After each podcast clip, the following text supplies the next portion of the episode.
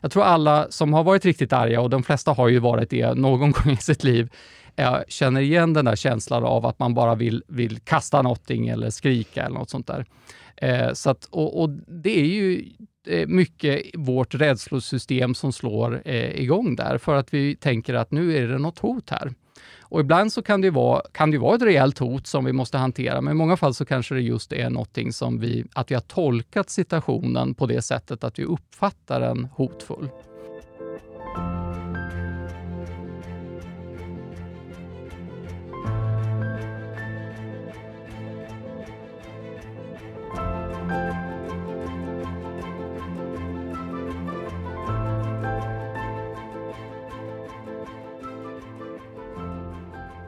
Hej och välkommen till Orutalks, Hugo Hesser, professor i psykologi här vid Örebro universitet.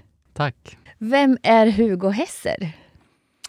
Ja, jag är ju professor i eh, psykologi här vid Örebro universitet och sen så är jag också gästprofessor vid Linköpings universitet och eh, psykolog i grund och botten eh, och har parallellt jobbat kliniskt, framförallt inom hörselområdet. Jag disputerade på tintus en gång i tiden mm -hmm. ljud i öronen.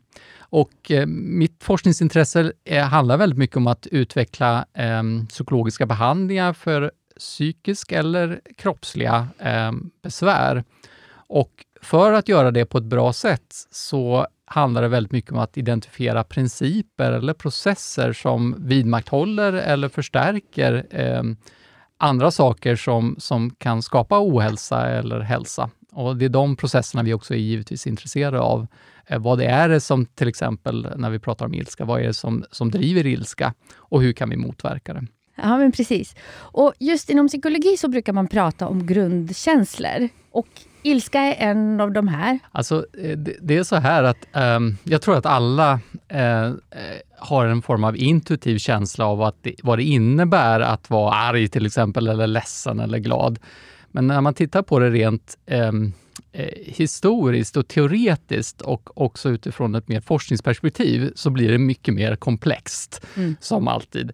Och eh, det, alla är verkligen inte överens. Va? Utan om man, om man går tillbaka, det finns hela vägen tillbaka till Aristoteles och Hume och alla de filosoferna har haft olika idéer om vad är egentligen känslor? Vad ger de, vad ger de upphov till? Vilken funktion fyller de? Hur många känslor finns det? Och en annan viktig fråga som än idag är het är, är finns det kvalitativt distinkta känslor? Eller är, är det som så att de kanske är mer dimensionella, att de varierar i grader snarare på två eller tre eller ett kontinuum? Eh, så att eh, det här med, men några har argumenterat ganska hårt, precis som du är inne för, att det finns olika typer av grundkänslor. Men hur många det finns, det är man inte heller överens om. Utan det kan vara allt ifrån 6 till eh, 9 eller 12. Eh, men ilska, bland de som ser att att, eh, som betraktar att det finns just grundkänslor, då, som ofta har en form av evolutionär komponent, Eh, att de har utvecklats utifrån att, att vi har anpassat oss efter miljön eh, för att det ska vara funktionellt. Ehm, då ser man ofta att ilska är en sån här grundkänsla eh, som, vi, ja, som, som finns. Men mm. innebär det här att det här, våra grundkänslor är medfödda? Eller utvecklas de? Ja, men en jättespännande fråga, eh, för att det är man inte heller överens om. Va? Utan eh, som alltid så är det väl förmodligen en, en, den tråkiga sanningen är att det är både lite arv och miljö. Jag tror mm. att de flesta är överens om att det finns en evolutionär komponent, en biologisk komponent. Alltså att vi, just med ilska så handlar det väldigt mycket om hot att vara förberedd på vad som, vilka farliga djur till exempel som fanns på savannen så att vi skulle vara, vara, vara, agera snabbt och effektivt för att kunna eliminera de hoten. Mm. Eh, eh, men mer och mer forskning tyder på att det är det är lika många som argumenterar för att det finns en, en socialkonstruktivistisk del i det hela. Att vi skapar våra känslor genom hur vi språkar om dem, hur vi pratar om dem. Eh, och, eh, så, att, så att många är väl i någonstans i mellanlandet här, att det finns absolut någon form av evolutionär biologisk komponent som är kanske till viss mån medfödd. Eh, och sen så finns det en mer språklig, kulturell komponent som, som också då gör att vi kommer uppleva olika typer av känslor i olika typer av kulturer, olika sammanhang, beroende på hur vi språkar om våra känslor. Men du forskar om ilska, bland annat. Ja, jag har gjort det på senaste tiden. Jag har väl inte enbart ägnat mig åt ilska, utan det är först de senaste tre åren ungefär som jag har ägnat mig åt att titta lite närmare på det här med ilska. Ja, mm. Men hur ska man definiera ilska? För att vara lite sur och arg, det är kanske inte riktigt samma sak som att känna ilska. Mm. Ja, men, ilska är ofta en, en signal som vi får när vi känner frustration över att vi inte når ett mål, att vi känner oss orättvist behandlade, eh, att vi blir kränkta, ofta när någon har överskridit våra gränser på olika sätt.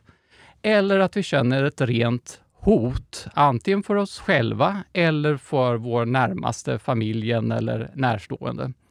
Eh, så, att, så att det är en signal som vi får eh, och, och ofta är den sammankopplad med andra typer av eh, epitet som vi använder för att liksom beskriva känslan, som frustration till exempel. Att vi inte kan nå vårt mål. Eh, och det är någonting som är, hindrar oss att nå ett mål. Det räcker ju med kanske att man är i en bra tanke som forskare och så kommer partnern och frågar någonting sådär och sen så, eh, så, så, eh, så, blir man lite irriterad och sur för att jag hade en jättegod, bra tanke här. Va? Och det, det räcker ju för att skapa någonting vad vi kallar irritation. Så vi har ju många olika begrepp för samma sak och man kan väl se ilska som någon form av continuum just att i den ena sid, på den ena sidan så har vi mycket kring just eh, alltså lätt irritation, milda saker. Till, å andra sidan kontinuet är det ju raseri. Va? Mm. Um, och, och, vad jag tror också, vad många andra har argumenterat för, är att raseri är också väldigt intimt förknippat med en stark panik eller rädsla. För att vi ser att våra system, alltså ilskesystemet och rädslosystemet, är intimt förknippade med varandra. Så ibland så kan det faktiskt vara som så att när man känner sig väldigt, väldigt arg så är man i själva verket extremt rädd. Vi reagerar ju olika på ilska. Vad finns det för olika reaktioner hos oss människor? Hur reagerar vi när vi känner de här känslorna? Mm. Ja, men, I forskning så brukar man ofta, och även i kliniska sammanhang när man jobbar som psykolog som jag gör, så brukar vi särskilja mellan olika delar av känslan. För att det, det är det är en sammansatt komplex upplevelse. Dels handlar det om de kroppsliga sakerna, vad som händer rent kroppsligt, rent biokemiskt i hjärnan, men också rent hur vi spänner oss till exempel, att vi, vi rynkar ögonbrynen, vi spänner käkarna, kanske hela kroppen blir spänd. Um, och Sen så är det ju också andra delar som till exempel eh, den, den eh, eh, tankemässiga delen eller våra tankar och tankemönster som följer på ilska. Och det kan ju ofta vara, handla om att vi får ett svartvitt tänkande. Jag har rätt, eh, hela världen har fel. Um, och uh, vi generaliserar ganska snabbt uh, så att vi säger att det, det där är alltid så.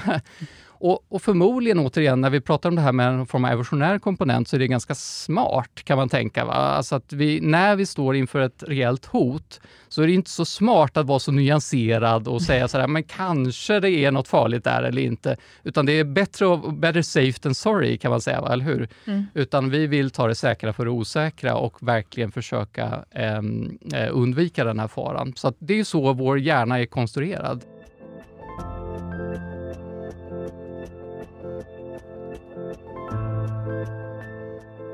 Men att bli så här superarg, när blir det här ett problem i vardagen?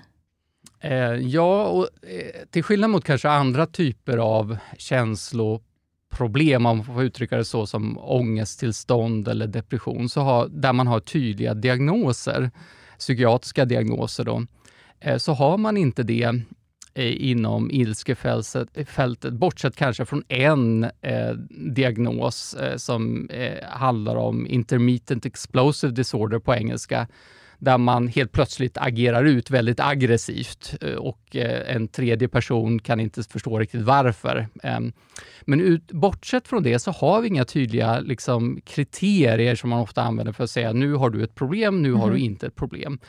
Eh, utan det vi måste göra för att avgöra om någon har ett problem baseras väldigt mycket på dens egen subjektiva eh, bedömning om den lider av det här problemet eller, eller ej. Eller att omgivningen lider Precis. av eh, problemet. Och Det där är kanske det mest knepiga med ilska, i och med att ibland kan det vara som så att man faktiskt inte själv är fullt medveten om att man har ett ilskeproblem. Men många andra i omgivningen kanske just tassar på, eller vad man, hur man uttrycker sig, tassar på äggskal runt den här personen. Va? Eh, för att de är väl medvetna om. Och att ilska är ju ofta ett signal. Vi gör på olika kroppsliga sätt. Det är en signal för oss andra att hålla oss borta. Eh, att inte att, eh, att, att undvika den här personen. Och det kan ju då ställa till det på sikt, interpersonellt, alltså i relationer. Ehm, men personen i sig kanske inte riktigt förstår varför personer eh, inte håller sig undan. Men eh, den gruppen som vi har primärt jobbat med är den gruppen som faktiskt är ganska medvetna om eh, att de faktiskt själva har ett problem, att de upplever att det sker det för många utbrott. Eh, det också det både skadar en själv och andra och att man också är medveten om det. För att det är betydligt mycket lättare att jobba med den gruppen kanske ganska självklart jämfört med en grupp som själva ser att det finns inget problem. Nej. Det är andra som har problem. Va? Jag är arg för att det finns en provokatör eh, och världen är dum. Då blir det ju väldigt mycket mer svårhanterat i behandling. Det är liksom en förutsättning att man faktiskt har en viss form av insikt i att man själv är en del av problemet. Man kanske inte ser det rätt i stundens hetta, Mm. Men man måste kunna få den här distansen när man märk, märker av att ja, men det, det, det sker allt för ofta att jag äh, agerar ut och äh, mina barn eller min, mina närstående blir mm. lidande av detta. Men du var ju inne lite på det här att äh, vi, det händer saker med vår kropp när vi känner ilska. Kan inte du berätta lite mer om det? Vad händer med oss? Ja, alltså det, det, är lite grann som så att precis som rädslo... Alltså det finns ett överlapp med vårt rädslosystem i och med att vi betraktar ofta... När vi, när vi känner stark ilska, som jag berättade om tidigare, så finns det ett överlapp mellan en nästan panik, va? Eh, för att vi vill kunna eliminera ett hot. Och då är liksom vi biologiskt förberedda för att aktivera de systemet, alltså vårt rädslosystem. Eh, och, eh, och det handlar också om eh, de delarna i kroppen så att vi får eh, blodtillströmmelse till de större muskelgrupperna till exempel för att kunna snabbare ta oss ifrån mm. en situation eller en plats. Eh, och eh, vi, Man kan nästan känna också rent fysiologiskt hur det mobiliserar energi i kroppen. Det blir liksom upp, man känner, när man blir riktigt arg så känner man ju sådär att det är man vill bara få utlopp för någonting. Va? Man, man kan nästan agera. explodera. Man kan nästan explodera. Va? Så att jag tror alla som har varit riktigt arga, och de flesta har ju varit det någon gång i sitt liv, jag känner igen den där känslan av att man bara vill, vill kasta någonting eller skrika eller något sånt där. Eh, så att, och, och, det är ju eh, mycket vårt rädslosystem som slår eh, igång där, för att vi tänker att nu är det något hot här. Och ibland så kan det, vara, kan det vara ett rejält hot som vi måste hantera, men i många fall så kanske det just är någonting som vi, att vi har tolkat situationen på det sättet att vi uppfattar den hotfull. Eh, och det är det som eh, då, eh, man kan ha olika saker som utlyser, löser ilska. Eh, allt ifrån att eh, någon annan ger en snorkig kommentar mm. till att man själv kanske eh, sitter försenad och, och eh, i bilen och eh, är på väg att missa ett möte och att man börjar klandra sig själv för varför var jag inte ute i god tid till exempel. Men det kan ju också vara sådana saker som, eh, som inte har med andra personer än en själv, utan det är saker att datorn krånglar. Eh, mm. vet vi forskare mycket väl att man kan sitta där och svära över Mobilen att inte krånglar. Mobiler krånglar. Eh, ja, och sådana här saker. Så det, men, och, och det är ju ofta saker och ting som andra personer i omgivningen kan förstå. Alltså man förstår när datorn krånglar, att man är försenad, att man kan bli arg. Um, och att det kortsiktigt kanske förhoppningsvis går över också. De lite mer knepiga situationerna är ju när de här triggers som vi ibland pratar om, alltså de här utlösande mm. faktorerna samverkar med minnen och tankar. Alltså att om, eh, ta ett exempel att, att en, ens partner pratar med en, eh, en av andra könet, mm. eh, pojke eller flicka, och vi har en, nyligen varit med om att en, vår tidigare partner var otrogen till exempel. Då är minnet samspelar med den här och då tolkar vi givetvis den där bara lite skämtsamt prat med en annan som kanske, oj, någonting är på väg att hända. Så vi bär oss med oss ju givetvis vår egen ryggsäck och eh, den ryggsäcken kommer påverka vår, eh, vår tolkning av situationerna. Och ibland är det ju som så att även ilskat kan triggas av rena fysiologiska tillstånd. Vi vet det som att man just är, har, då, har sovit dåligt. Vi vet att det är en direkt orsak till att man faktiskt ja, sänker tröskeln för att man blir mer arg man blir lättare, eh, och det tror jag alla småbarnsföräldrar känner igen, va? Att, att man snabbt eh, eh, eh, triggas av att barnet ligger och skriker och när man speciellt inte har sovit. Va? Samma sak gäller hunger.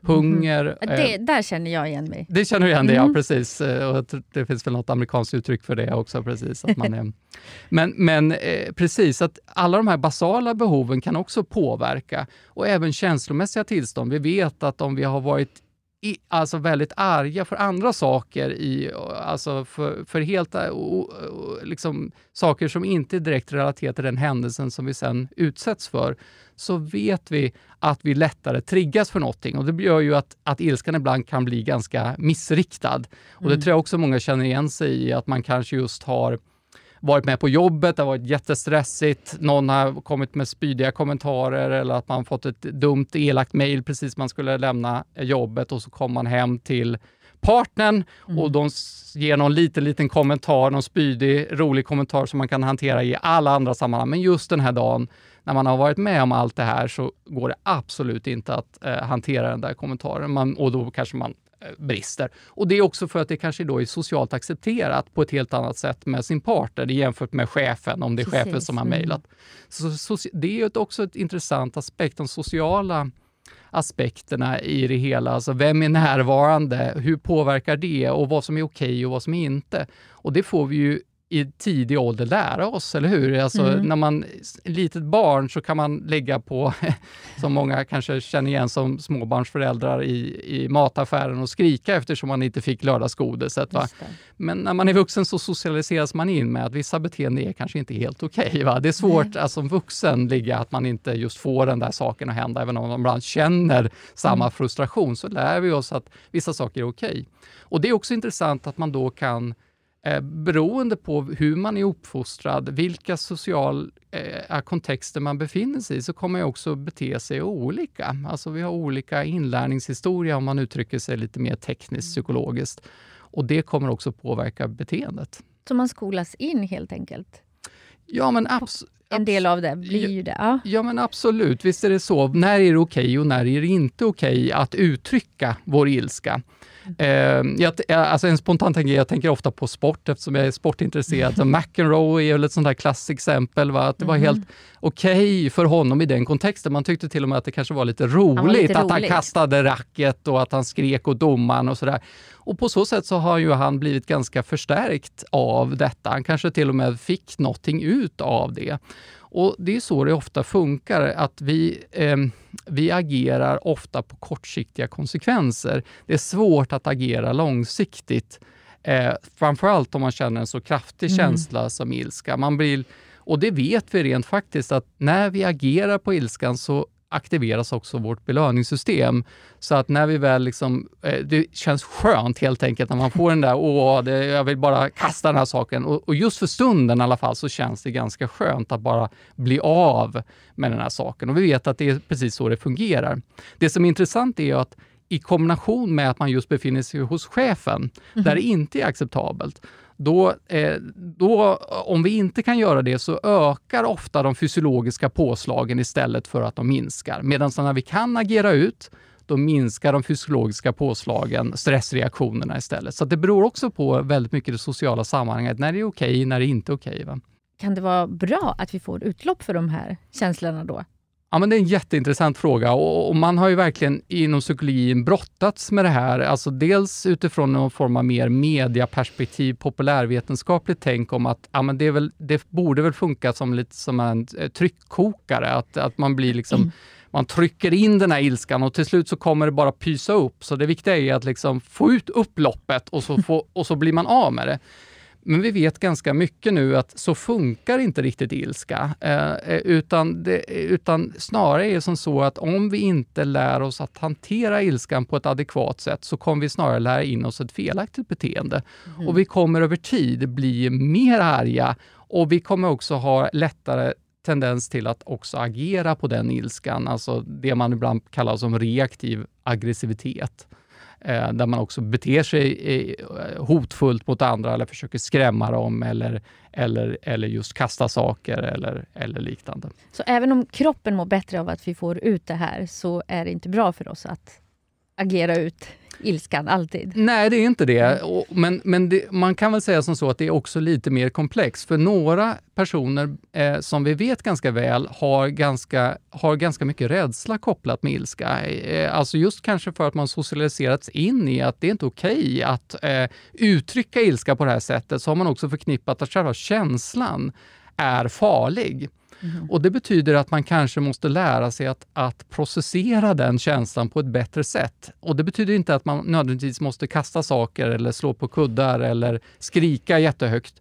Men man måste komma i kontakt med sin ilska och det verkar mycket forskning tyda på att det är en viktig del för vissa grupper av människor som just använder sig av mycket av det som kallas undertryckt ilska. Alltså man aktivt försöker trycka undan sina eh, reaktioner för att inte känna ilska. Så för mm. vissa grupper så kan det vara viktigt att känna ilska, men det betyder inte att man eh, måste reaktivt agera på ilskan, skulle jag säga.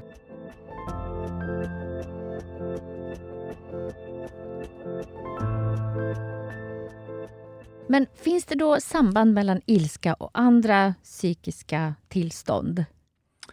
Det gör det eh, absolut, helt klart. Och man kan, eh, vi brukar ofta prata om en teknisk term är transdiagnostiska eh, aspekter eller fenomen och ilska är verkligen sånt. Och vad man menar med transdiagnostiskt är som det låter att det är gränsöverskridande. Över, det, det förekommer bland många olika typer av diagnoser. Mm -hmm. Och vi vet till exempel att det är eh, posttraumatiskt stresssyndrom är det vanligt förekommande, till och med ett, ett litet kriterium kring att man lätt får ilskeutbrott, att man har varit med om något väldigt traumatiskt och att man då helt plötsligt förstår inte varför man känner som frustration och, eh, och ilska. Eh, så där ser vi att det är vanligt förekommande. Men det är också vanligt förekommande ungefär 50 procent av de som har uppfyller kriterierna för egentlig depression, alltså som är eh, väldigt nedstämda. De upplever också förhöjd ilska. Och Vi ser det också med olika typer av ångesttillstånd som social fobi, eh, där många då upplever också problem med, med, med ilska. Så det finns över hela, mm, jättemånga diagnoser har också den här typen av problem. Och det som är med, lite utmanande med det är att eh, det verkar också försämra prognosen. Eh, så för vissa ångesttillstånd, till exempel paniksyndrom, om man dessutom har add-on, väldigt mycket problem med att hantera ilska, så verkar det vara svårare att bryta den spiralen. Eh, att, att komma tillbaka och bli av med sitt ångesttillstånd. Och man kan också vi har också ganska mycket eh, empiri på, eller forskning på, att det också försvårar själva behandlingsprocessen. Att fler hoppar av till exempel behandlingen. Och behandlare som jobbar med de här patienterna kanske har svårare att, att hantera den patienten. De kan kanske själva bli lite rädda för att någon är, helt plötsligt mm. blir väldigt arg. Och Det gör att deras arbetsallians eh, potentiellt kanske eh, försämras och förstörs och att man kanske inte jobbar vidare. Så de får också lite sämre behandling ibland på grund av att de också har problem med ilska och att man kanske inte är på ett adekvat sätt adresserar ilskan i behandlingen heller. Mm, men vilka typer av olika behandlingar finns det för ilska? Ja, alltså, eh, man började utveckla behandlingar för ilska för länge sedan. Alltså, eh, så, så, alltså det är alltifrån Freuds dagar, som många säkert känner till, som jobbade en hel del med undertryckt ilska och så. Idag har vi ju en rad eh, stöd för olika typer av behandlingar och många är olika varianter av kognitiv beteendeterapi, alltså KBT. Eh, och KBT är ju egentligen, som man kanske tänker, inte en typ av behandling utan ett paraplybegrepp för en mängd olika typer av behandlingar som antingen fokuserar lite mer på de kognitiva processerna, alltså hur vi tänker om situationen, eller kring de mer beteendemässiga eh, aspekterna, hur vi beter oss och hur vi då kan påverka de här sakerna. Och KBT är ju sammanslagningen av de två. Eh, och inom ilskeområdet specifikt så kan man säga att det finns tre olika typer av kategorier av behandlingar. En som fokuserar mycket på avslappningstekniker, att lära sig att just fysiologiskt komma åt ilskan eh, som kan vara viktigt i många fall, framförallt om man har problem med aggressivitet också. Att man behöver det för att komma eh, få tillgång till sina främre delar av hjärnan som just hanterar sådana saker som planerande, långsiktiga konsekvenser etc. Så behöver man komma ner i intensitet lite grann. Så att avslappning är olika typer av, av, eh, av avslappningstekniker är ganska vanligt. En annan kategori av behandlingar fokuserar man mycket mer på tänkandet. Mm. Hur man tolkar situationerna. Kan vi tolka om situationerna? Kan det finnas alternativa förklaringar till en individs beteenden? Och genom den här omtolkningen så, eh, så förändrar man också eh, eh upplevelsen av ilska. Eh, och den tredje kategorin av behandlingar är de som fokuserar mycket mer på färdighetsträning. Alltså hur ska vi kommunicera ilska på ett adekvat sätt? Alltså när jag mm -hmm. känner ilska så kanske istället för att skrika på chefen så kan det vara bra att ändå gå in till chefens rum och säga att ja, nu har jag fått den här nya uppgiften det här går inte utifrån min eh, tidshorisont, jag hinner inte med. Mm. Att våga kunna sätta upp gränser istället för att då eh, skriva ett argt mejl till en kollega och klaga på chefen. Så man tränar sig i färdigheter att kunna kommunicera sin ilska på ett bättre sätt. Så de tre olika typer av kategorierna har man tittat på mm. och funnit evidens för. Både när man bara har använt en av de här typerna av kategorierna eller att man kombinerat dem. Och framförallt när vi har problem med aggressivitet också, så är ofta kombinationen av avslappning plus den kognitiva delen eh, verkningssam, skulle jag säga. Får jag, får jag bara fråga dig, det här med aggressivitet, är det då när man börjar bli fysisk? Ja, men precis. Vi har inte varit inne på det, den definitionen. Det är beteendet, skulle jag säga. Det är viktigt att särskilja känsla från beteenden. Okay. Beteenden mm. som vi gör när vi vill hota, skrämma, försöka just eliminera ett hot på olika sätt. Va? Eh, och ofta, eh, det, finns lite olika definitioner i fältet, men ofta handlar det om att man riktar sin, eh, sina beteenden mot en specifik person. Men det skulle också kunna vara objekt eller hela system mm. som man tycker har gjort dem orätt eller att man är orättvist behandlad. Eh, och Då kan det vara som så att man går till verbalt angrepp och det är en form av aggressivitet. Eh, man hotar eller skrämmer. Det kan också vara att man går till fysiskt angrepp, eh, att, man, att man slår någon eller liknande människa. Men det kan ju också handla om saker och ting, om det handlar om föremål då, att man istället går till angrepp mot dem, eh, föremålen, kastar dem eller, eller, eller kastade rack som McEnroe gjorde. Då, ja, just det. Mm. Mm. Så han var aggressiv? Ja, ja, ja, ja, precis. Där är man väl inte riktigt överens. Va? Att de här begreppen går in i varandra. Man skulle nog prata om någon form av potentiell eh, reaktiv aggressivitet, men några har då avgränsat aggressivitet just att det måste riktas mot en annan människa. Och då är det inte säkert att McEnroe skulle uppfylla det kriteriet. Ja, jag vet inte, ibland kanske. Nej, mm, nej. Mm, mm. Men om vi går tillbaka till behandlingar, då det här är effektiva behandlingar vi har, de här tre som du pratade om. Man kan få hjälp med sin ilska. Ja, men det kan man absolut. De är effektiva, men det finns absolut utrymme till förbättring skulle jag säga. Om man jämför till exempel behandlingar för olika typer av ångesttillstånd, som social fobi eh, eller specifik fobi när man är rädd för ormar. De är betydligt eh, mycket mer effektiva än ilskebehandling. Så det finns, eh, det finns hjälp att få. Men det finns också mycket utrymme och det är därför vi har intresserat oss för det här området, att också se hur kan vi utveckla eh, förfinade behandlingar som också anpassas efter olika typer av ilskeproblematik på ett bättre sätt.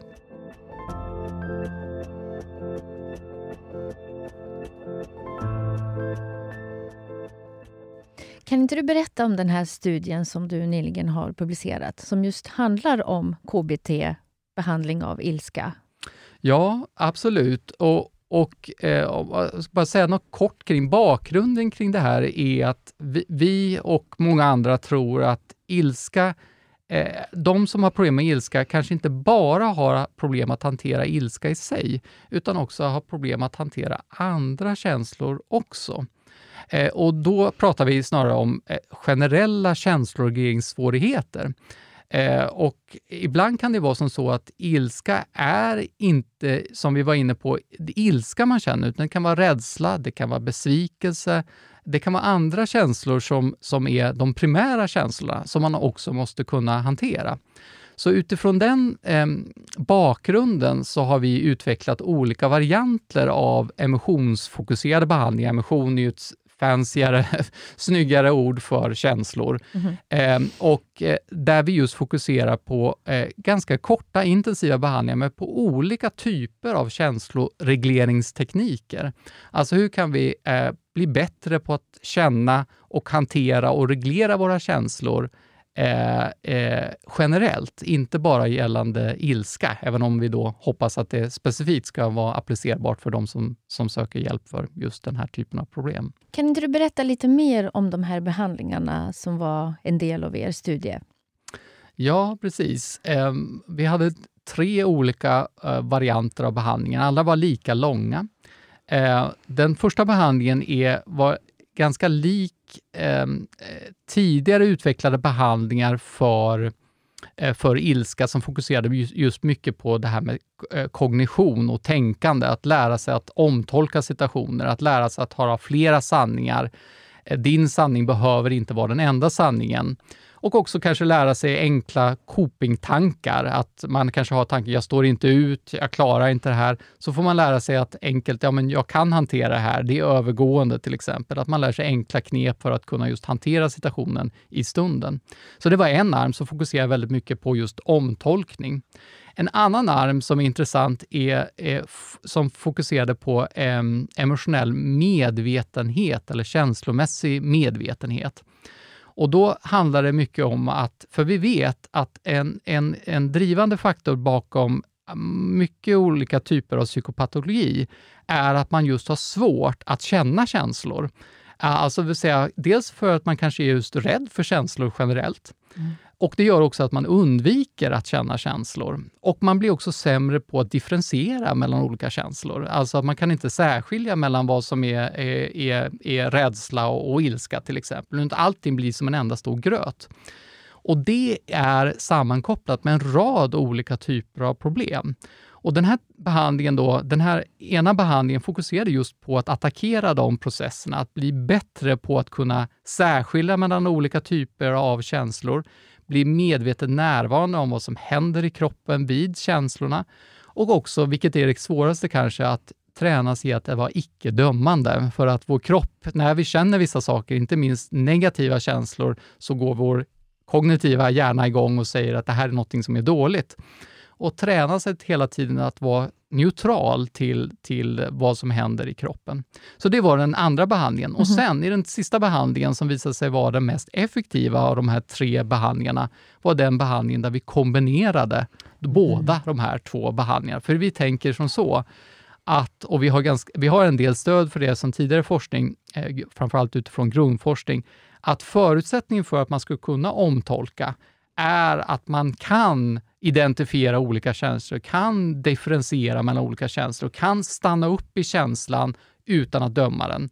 Det är liksom förutsättningen för att kunna använda sig av strategier av omtolkning. Så vi tror att, att det finns en, just en synergieffekt här, en kombinationseffekt av de här två behandlingarna. Och det var faktiskt så det var fallet. Det var den behandlingen som också visade sig vara mest effektiv.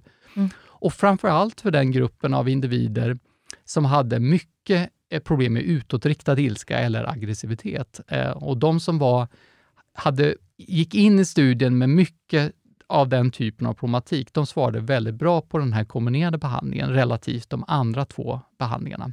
Alla mm. funkade helt okej, okay, eh, men just den här kombinerade behandlingen var mest effektiv och det är det viktigaste fyndet för att tidigare studier i ilskefältet har inte kunnat påvisa skillnader mellan olika varianter av okay. behandlingar. Mm. Och den har inte heller, eh, man har inte heller kunnat visa för vem funkar behandlingen. Det är en jätteviktig frågeställning som vi hela tiden brottas med. Att inte säga att, att one fits all, utan att vi just kan kunna differentiera mellan att säga att för den här gruppen av individer som uppvisar den här typen av problematik tror vi att den här behandlingen är mer lämplig än den här. Eh, och, och, det vet vi generellt sett ganska lite om i psykologisk behandling i stort eh, och ännu mindre inom ilskeområdet där vi nästan har, vi har inget stöd för att en viss typ av behandling funkar bättre än den andra. Mm. Och Många av de här tidigare behandlingarna var ju, är, har varit ganska små. Så vår, vår studie är ganska stor relativt för psykologiska mått sett. Vi hade 234 deltagare, vilket gjorde att vi hade möjlighet att också upptäcka effekter, vilket oftast är ett problem när man har små studier, att man inte har kraft nog eller power för att upptäcka eh, meningsfulla effekter. Mm. Så det var en viktig grej. Mm. Och Ni såg ju redan effekter efter fyra veckor.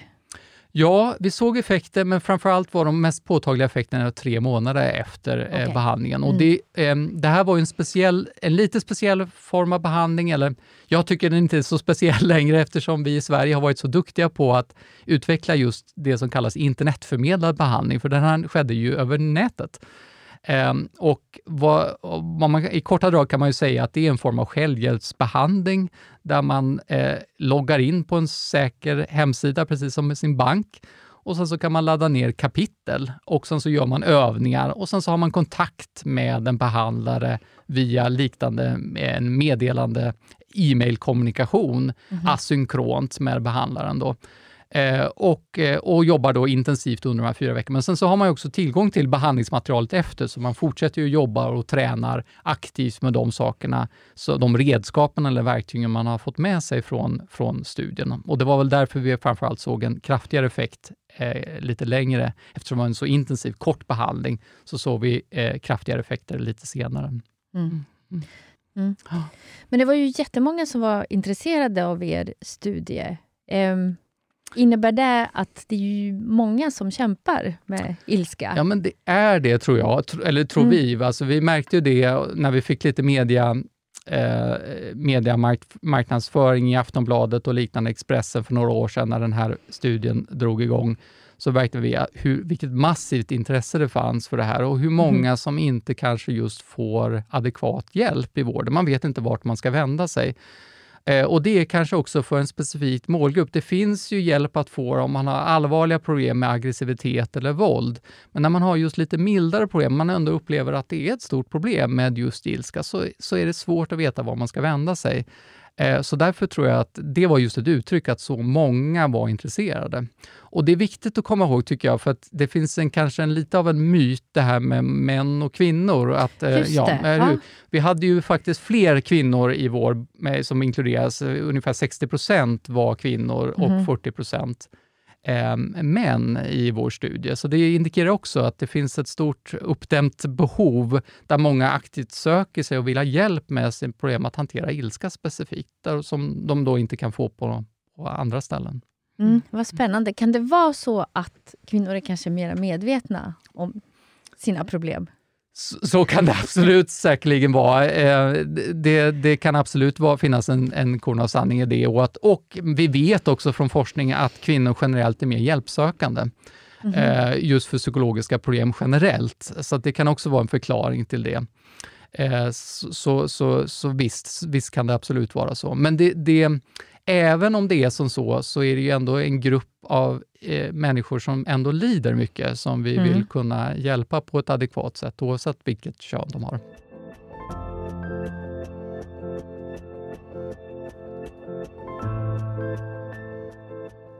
Jag tänkte också, kan inte du ge några tips på hur man kan hantera ilska i vardagen? Nu sa du en sak som jag tänkte på själv, att när man känner ilska så kanske så är, det, så är man bara rädd kanske. Mm. Är det ett knep man kan använda?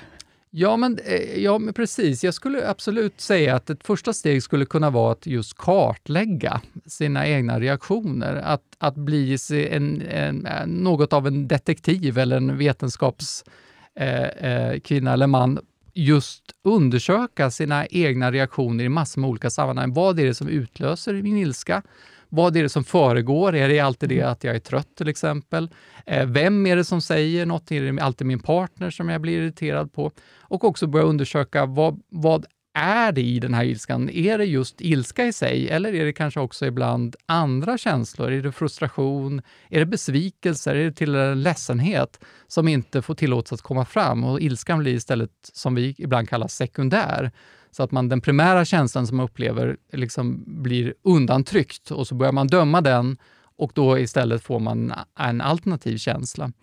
Eh, så, att, så att, att, börja undersöka och kartlägga, när händer det, på vilket sätt händer det, hur agerar jag i de här situationerna och vad får det för konsekvenser, både på kort sikt och på lång sikt? Det tror jag är en jätteviktig del för att eh, eh, påbörja resan om hur, att man börjar lära känna sig själv och sin egen kropp. Eh, och och i det, när man väl är i situationen, så handlar det också kanske om att bli bättre på att just identifiera vad som händer. Alltså identifiera komponenterna av ilska. Alltså spänner jag käken? Ehm, eh, eh, knyter jag näven? Eh, suckar jag? Pratar jag utan värme? Eh, eh, entonigt? Skriker jag? Höjer mm. rösten? alla de här sakerna som, när man väl är inne i det, är så svårt att, eh, att just bli eh, medveten om vad som händer. Men ju bättre, och det här är ju ingenting som är lätt, alltså, eller hur? Det låter lätt, men det här kräver ju i många fall mycket, mycket, mycket träning i vardagen. Va? Eh, och allt det här syftar väl till, eh, och många behandlingar kan man säga handlar om att skapa lite tidsutrymme mellan den impulsen vi får som ilskan ger oss naturligt, att eliminera hotet, ta bort det, till att faktiskt inte göra det, så att få, ett, faktiskt ett tidsutrymme mellan eh, impulsen och beteendet. Va? Ju, mer, ju längre den här eh, liksom sträckan blir, desto lättare blir det att faktiskt observera oss själva. Vad händer? Och hur ska jag agera mer konstruktivt i stunden istället för att skrika eller kasta, om det är nu är det som man har problem med. Vad jobbar du med just nu? Forskar du om ilska? Ja, men det gör vi och, och eh, tillsammans med en doktorand här vid Örebro universitet, Johannes Larsson, som fokuserar specifikt mot det som vi benämner inåtriktad ilska, så håller vi på att just studera det, för vi vet relativt lite om det. Vi vet ganska mycket om aggressivitet, skulle jag säga. Det finns ganska mycket forskning om det och också utåtriktad ilska då, som tangerar det här begreppet med aggressivitet. Men inåtriktad ilska vet vi lite mindre om faktiskt. Så det är ett intressant fenomen att börja förstå närmare. Vad, vad beror det på? att man just eh, eh fokuserar ilskan inåt eh, och som vi vet har massor med allvarliga hälsokonsekvenser. Så det är inte bara det faktum, man tänker ofta att ilska och aggressivitet är de värsta konsekvenserna, men det är lika allvarliga konsekvenser att vi känner ilska hela tiden. Mm. Och framför allt om vi har det som är förknippat med fientlighet, eller hostility på engelska, Eh, där vi hela tiden eh, eh, tänker på hämnd eller vi tänker på att, att eh, den, här, den här hemska händelsen som har hänt, om vi hela tiden går in i det så, så, så är det associerat som en riskfaktor för en, en rad allvarliga kroppsliga besvär och psykiska besvär, men inte minst kroppsliga, alltså hjärt och kärlsjukdomar inte minst, eftersom vi faktiskt använder väldigt mycket kraft för att hålla undan en verkligen stark kraftfull känslomässig reaktion. Va? Mm. Så det är intressant eh, och, och eh, vi vill ju ta reda på lite grann mer, vilka är de processerna som vi kan motverka för att komma åt den här typen av problem på ett bättre sätt? För i vår tidigare studie så visade vi att vi inte riktigt kunde adressera den problematiken på samma sätt som den som var mer utåtriktad. Mm. Och som du sa så finns det ju relativt lite forskning om ilska jämfört med andra känslor. Det är också lite intressant. Hur kommer det sig? Ja, jag kan bara spekulera i den mm. frågan. Ehm, för i början av, alltså om man går tillbaka kanske hundra år i tiden, så fanns det ungefär, alltså alla de stora tänkarna inom psykologiområdet var lika intresserade av, av ilska och ångest och, och, och nedstämdhet och, och, så. Kanske till och med mer intresserade av ilska än de andra tillstånden. Men sen så hände någonting och en förklaring till varför det har stagnerat lite grann vad gäller ilskeforskning är kanske just det här med diagnoser. Eh, man saknar tydliga diagnoser och forskning, framförallt i USA, är ofta fokuserad på diagnoser. Det är så man får forskningsmedel, så man får pengar för att bedriva studier. Och då, eftersom vi inte har tydliga kriterier för vem som ska ingå, vem som inte ska ingå, så kan det eh, ha gjort att, att, att, man blivit, att, att man blivit mindre intresserad som forskare. Man blivit mindre förstärkt helt enkelt för att man inte fått pengar kanske för sin forskning. Men mer och mer börjar faktiskt forskare intressera sig rent kliniskt, eh, för det är där det saknas mycket forskning idag relativt andra typer av problem. Eh, mer och mer börjar forskare intressera sig för den typen av problematik också i ilska.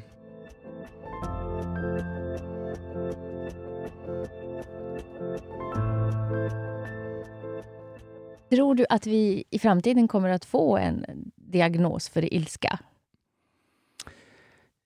Ja, jag tror att man måste fundera på om det är önskvärt eh, till att börja med. I och med att den är just så transdiagnostisk, alltså själva fenomenet, det förekommer i massor med olika typer av diagnoser. Det gör att det, det är svårt att särskilja den på, mot andra diagnoser.